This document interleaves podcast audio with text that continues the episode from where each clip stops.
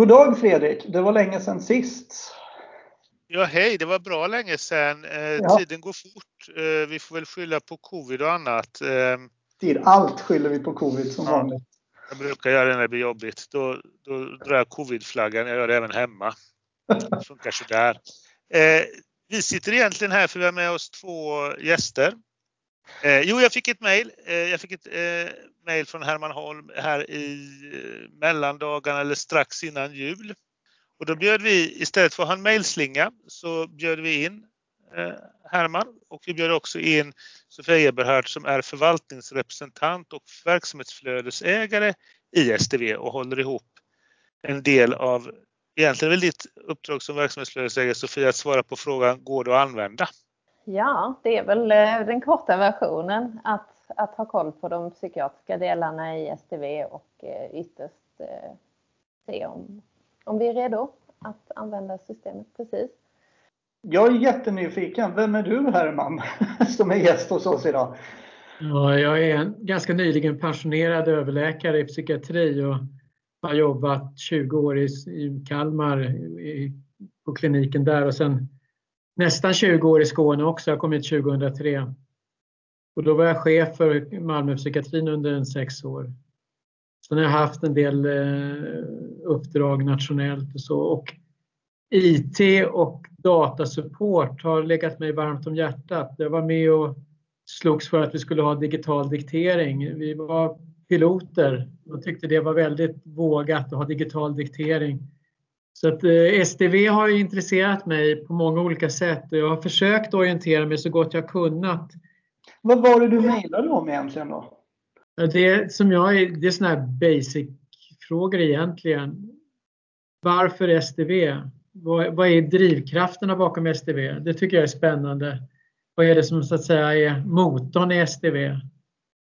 Och den frågan har jag ställt till många och jag får olika svar. Jag vet inte vad ni säger. Vad är motorn? Du, du, jag skrev till Fredrik för jag uppfattar att du, du är delvis en motor Fredrik. Du sitter och ska implementera STV. Jag tänkte Fredrik vet nog vad, vad är drivkrafterna bakom STV? Eh, eh, egentligen, jag, jag, har, jag har haft svårt att själv förstå det tills eh, det är väl egentligen ett par månader sedan tillbaka som jag verkligen har... Jag tror att egentligen det korta svaret är 1976.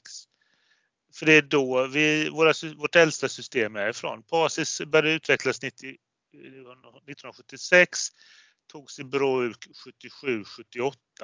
Med tanke på att vi har så otroligt gamla system så tror jag egentligen det är den enda, egentligen den enda drivkraften. Det rör ju inte mycket på sig. När jag kom hit 2003 då hade vi inte Melior.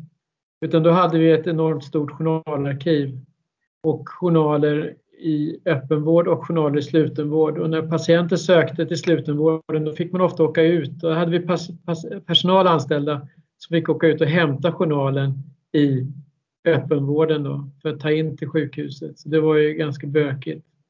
Det var en stor, det var det, är väl det du är inne på Fredrik, att integrera olika system. För Ja, och, och jag, jag, tror att det kommer ju vara den stora vinsten när man köper en plattform som regionerna ska ha köpt. För det är ju egentligen en plattform där vi liksom presenterar, all information finns på ett ställe, presenteras för alla. Om vi bortser från PDL och allt det för det kommer vara lite filter och aktiva val och sånt. Men, men oavsett det så finns i alla fall informationen tillgänglig. Så drivkraften, motorn i, detta, i denna utveckling, den är alltså på en teknisk nivå. Att vi ska integrera olika tekniska system och vi ska göra det möjligt att kunna skapa en bättre teknik än den nuvarande tekniken. Har jag fattat rätt då? Ja, då blir man ju, ja, lite nervös blir jag ju för att jag vill ju ha Egentligen så vill jag se det så här. Jag har stört mig över att IT är en bubbla och verksamhet är en bubbla. Jag tror att man ska se det som en drivkraft som jag upptäckt och drivs mer och mer av. Det är att, vi gör, att, att det här är någonting IT, teknik och verksamhet måste hänga ihop mer för det gör de inte riktigt idag.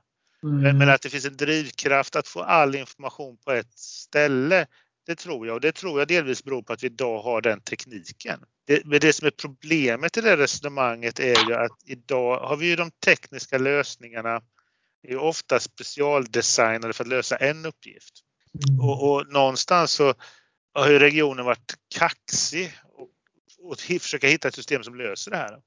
Men om, om det är så att tekniken är en, en drivkraft, jag, jag delar den uppfattningen. Jag tror precis som du Fredrik att, att den tekniska utvecklingen är den som driver fram det här systemet.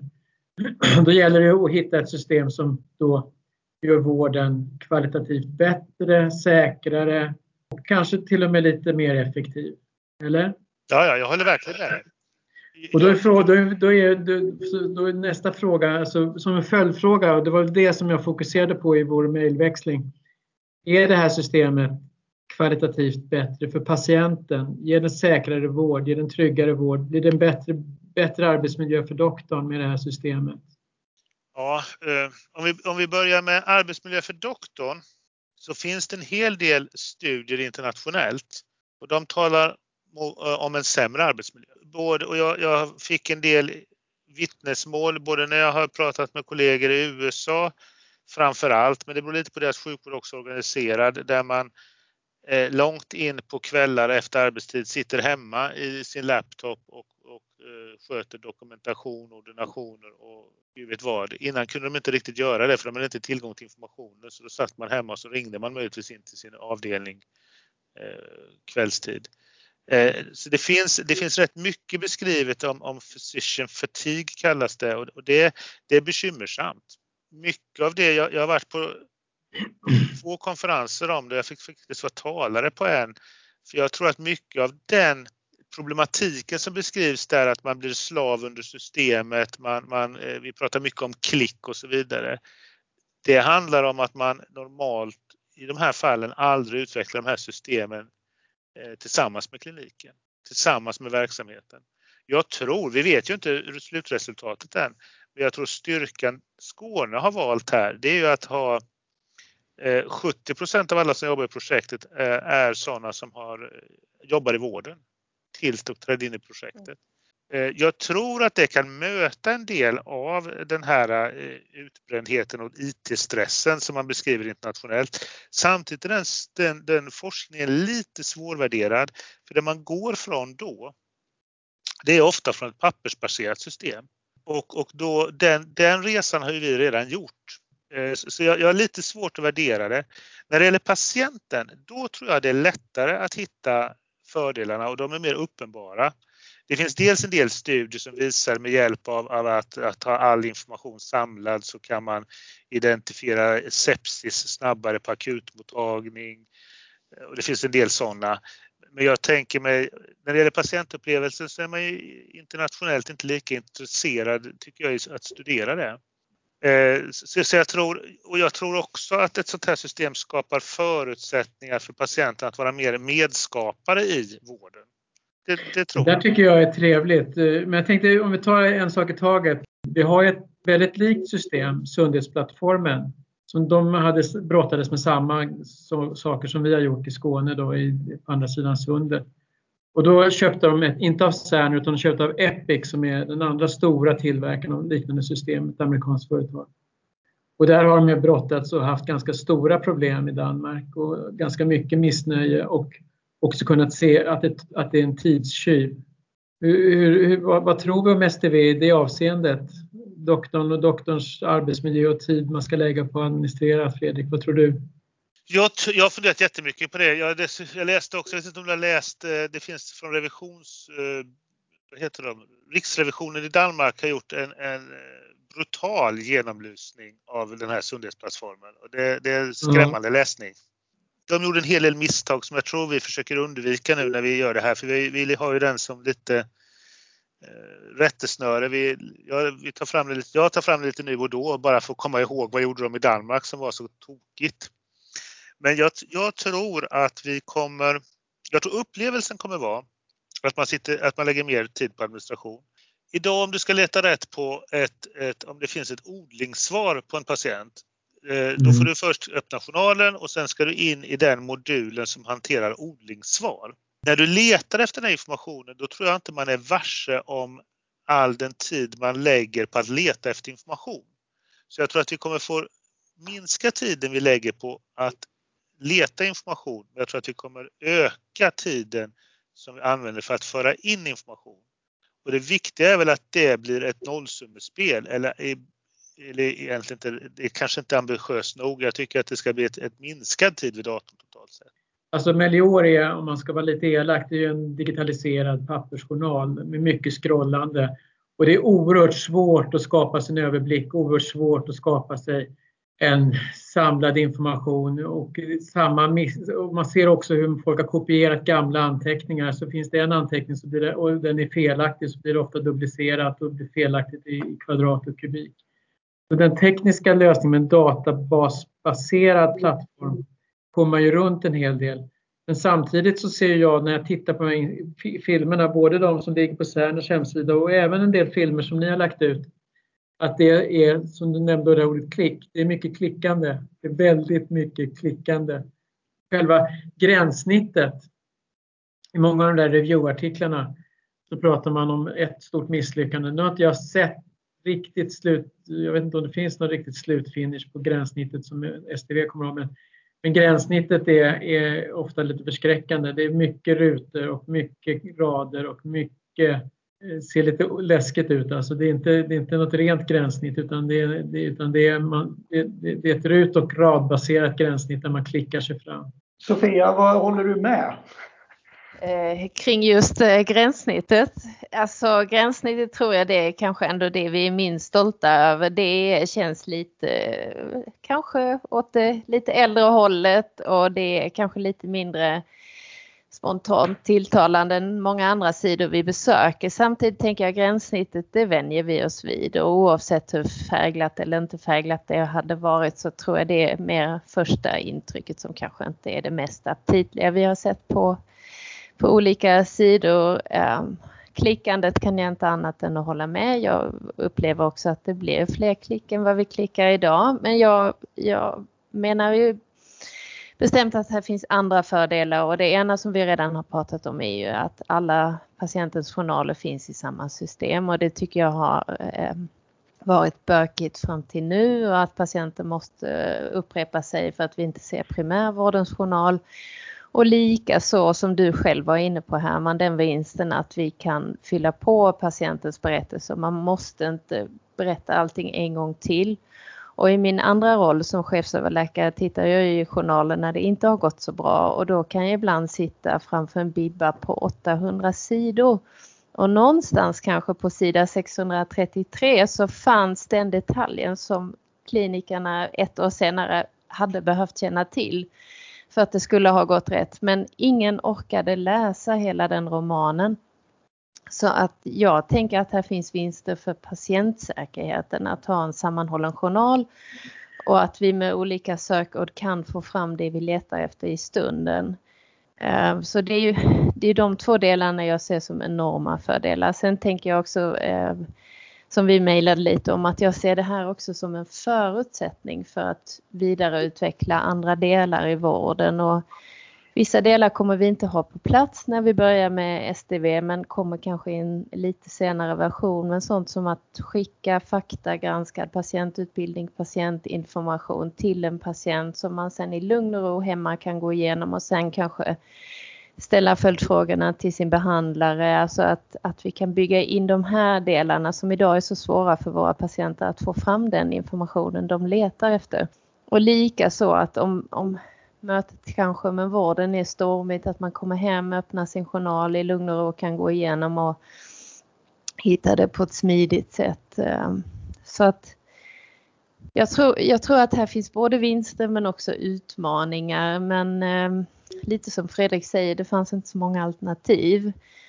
Inklusive att Melior väl också var dömt att gå i graven och att man behövde välja någonting annat och här finns inte jättemycket att välja mellan.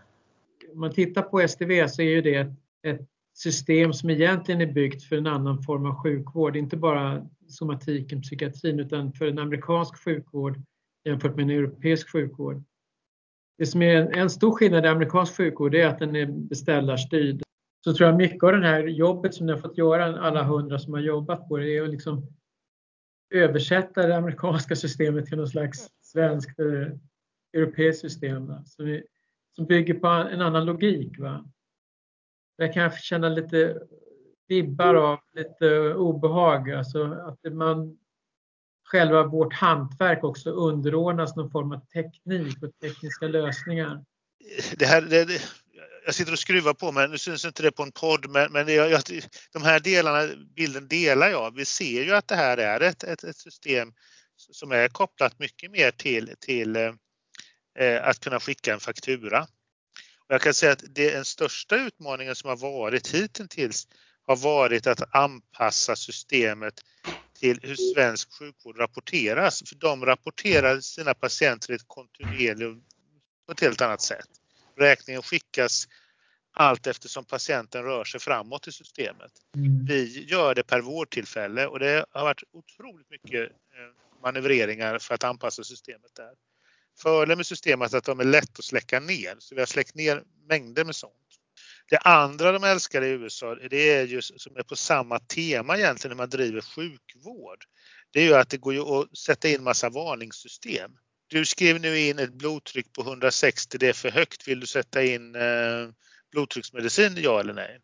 Och jag är rädd, eller jag har alltid en farhåga när man pratar om, eh, om, om sådana här system. Jag tycker det räcker ibland att titta på de sociala medierna där man stundtals mer vårdar kontakterna på Facebook än de man har i sin närhet.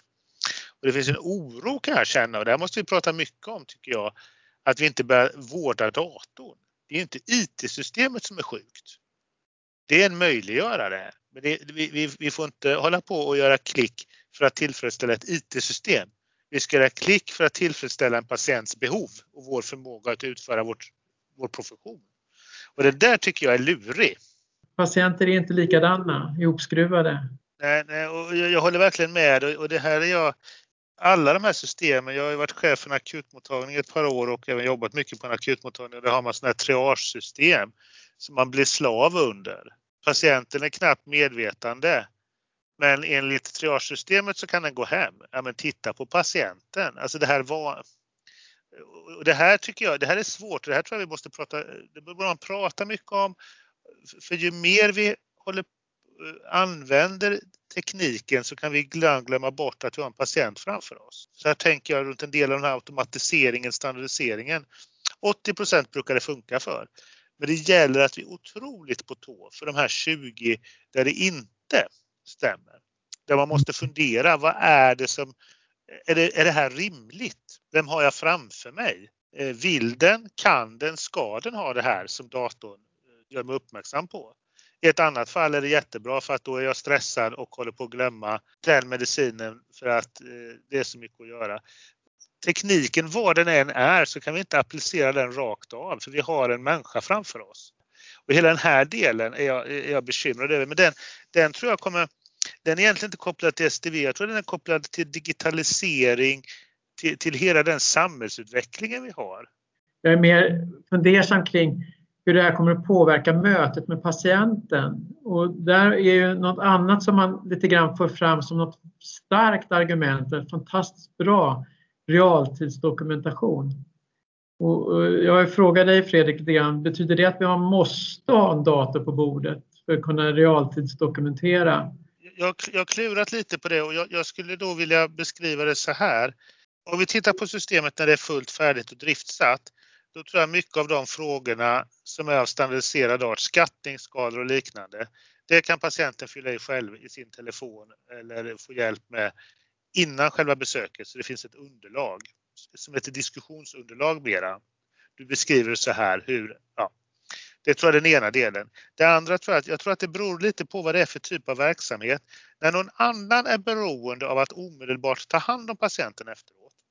En akutmottagning är väl det strålande exemplet där det liksom rör sig framåt hela tiden. Där kan jag se ett scenario framför mig där man kommer dra runt de här datorerna in till patienten och i värsta fall sätta datorn mellan sig och patienten. Mm. Eh, Medan till exempel ett mottagningsbesök där patienten sen åker hem, då kan man, tror jag att man kommer göra det efteråt för då vill man inte störa mötet. Men det här är också intressant för vi har gjort lite sådana försök. Vi har ju anställda patienter i projektet och där är också en liten generationsfråga. De yngre beskriver inte, då har vi bara sju patienter, men vi prövade på dem. De yngre tycker inte det är ett problem att det är dator emellan medan äldre störs av det jag, jag, jag, tror att det kommer vara olika olika situationer och lite hur man själv trivs. Eh, sen gäller det ju här att vara lyhörd i vem, vilken patient man har framför sig. Stör det mötet, eh, då är, det ju, då, är det, då är vi på djup, riktigt djupt vatten. Och här gäller det att, att, att också utbilda våra kollegor att, att vara observanta på det här. Det andra tror jag att i vissa fall tror jag man till och med kan sätta patienten bredvid sig. Att, eh, lite beroende på vad det är för karaktär. Du, kolla här nu, nu ska vi liksom få ihop, ta reda på, dels gå igenom vad som har hänt för att lätt kunna visa, men också kunna göra en del av det tillsammans. Så att man tillsammans sitter framför skärmen. Men, men jag tror att här måste vi nog vara lyhörda för att vi behöver göra på olika sätt. Men jag är, jag är lite, lite skrämd över gränssnittet. Jag är skrämd över att jag tror att tekniken kommer i ganska hög utsträckning. För det här känns också som något, det här kommer såklart förändras. Det kommer inte se ut som det gör 2021, 2022. Om tio år kommer det ha hänt mycket, inte minst med gränssnittet tror jag Det kommer bli mera in, intuitivt och på ett annat sätt.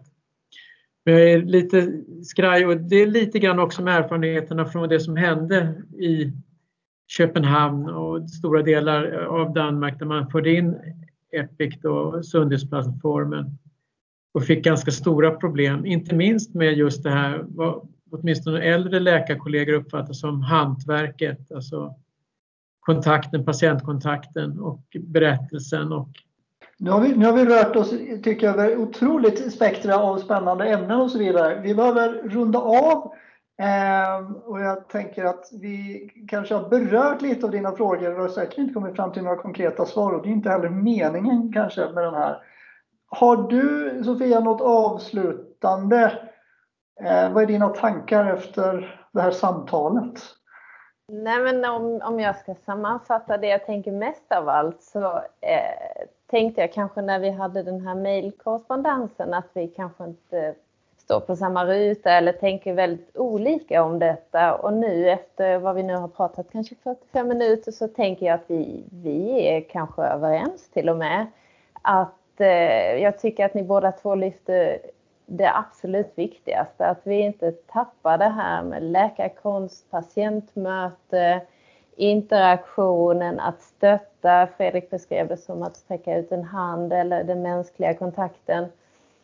Samtidigt som vi då behöver uppdatera vårt journalsystem och nu har vi valt SDV. Vi har gjort en enorm ansträngning utifrån min kunskap om psykiatridelen att utifrån ett befintligt amerikanskt system göra det så bra som möjligt och nu har vi detta och eh, jag, jag ser att det är good enough men det är ingenting som jag tänker det är inte systemet som kommer prägla våra patientmöten utan det är vi som är behandlare oavsett vilken yrkesroll, om det är läkare, psykolog, sjuksköterska, arbetsterapeut. Det är patientmötet som vi fortfarande måste värna om jättemycket. Och eh, sen sker det en supersnabb förändring mot det digitala, mot det standardiserade och där de här två motpolerna måste vi väga och jag ser ändå patientmötet är den det stora, viktiga som vi måste värna om, inte minst också för att kunna attrahera nya kollegor till oss, yngre kollegor. Det är i patientmötet som tjusningen ligger. Och sen har vi ett journalsystem som enligt mig ändå kommer eh, förbättra patientsäkerhet, sammanhållen dokumentation, lätthet att hitta. Och jag tror vår utmaning vi går live när vi börjar använda STV att inte tappa någon av de delarna. Vi, vi har ett nytt system men vi har det gamla jätteviktiga patientmötet med oss i det. Så jag är inte riktigt säker på om här finns absoluta motsatsförhållanden utan jag tror konsten här och utmaningen är att kombinera detta så att det blir så bra både för oss som ska jobba i det och för våra patienter som ska få vård med STV. Och där tror jag också att det är inte vi kommer gå live med det och sen kommer vi behöva skruva på det och Eh, vi kommer nog upptäcka delar som vi inte har jobbat så mycket med och som vi sen märker att nej, men det här funkar inte alls. Det punkterar hela vardagen på den mottagningen.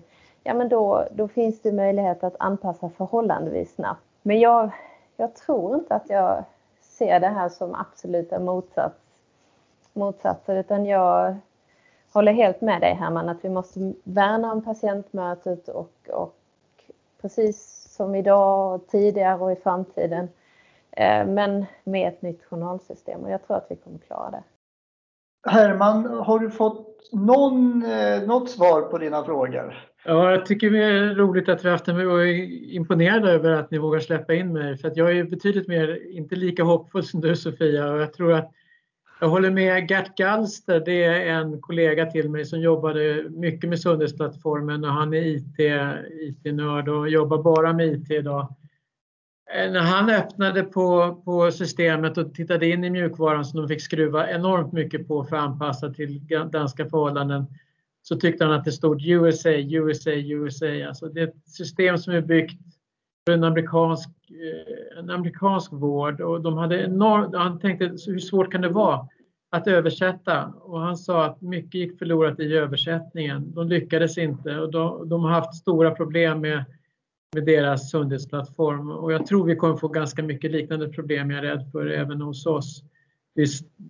Många doktorer tycker det tar längre tid, påverkar patientmötet negativt. Och eh, han intervjuades i tidningen Politico som är en stor tidskrift. Och rubriken på, på den intervjun var Lost in translation, alltså man lyckades inte översätta systemet till danska. Eh, vi behöver bra fungerande dokumentation. Frågan är hur, hur man gör det. Jag tror själv, jag är tveksam till om STV verkligen kommer att lyckas. Jag tror inte det. Men hur, hur den kommer att gå så måste vi ha någonting som fungerar. Så STV är nog ett steg på vägen. Vi kommer, få se, vi kommer säkert sitta med någonting annat om tio år. Hårda ord Fredrik. Ja, eh, vi delar problembeskrivningen till stora delar men vi kanske, jag är lite mer hoppfull.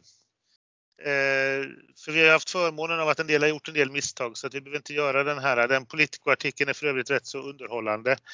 Eh, så, så jag tror att vi, jag, jag, tror att vi kan, jag tror att vi kommer hitta andra grejer eh, som vi inte har lyckats lika bra i. Men jag tror att det danskarna har ställt till hoppas vi har kunnat släcka ut.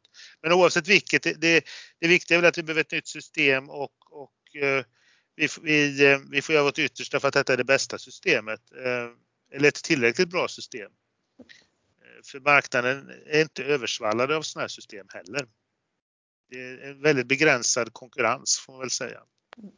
Men mm. oavsett vilket så tycker jag den här typen av samtal är viktiga och vi måste fortsätta hålla dem för som, som vi alla varit inne på så, så är vi, vi är människor som, som tar hand om andra människor eh, och det gäller att ha rimliga verktyg och de får rimligt fokus under mötet. Eh, men vi måste kunna återanvända informationen. Mm. Så att vi får fokusera på rätt information. Jag tror vi ska tacka så mycket. Det kanske finns till och med, tack. Det kanske till och med finns möjlighet att återkomma eh, när vi har lite mer konkret och fortsätta med diskussionerna för jag tycker de är intressanta och de är viktiga. Eh, för för vi inte de här så tror inte jag vi kommer landa rätt. Mm. God. Okay. Tack ska ni ha. Det var trevligt att träffa er. Detsamma, detsamma. Tack så mycket. Tack, Tack och hej. hej. hej.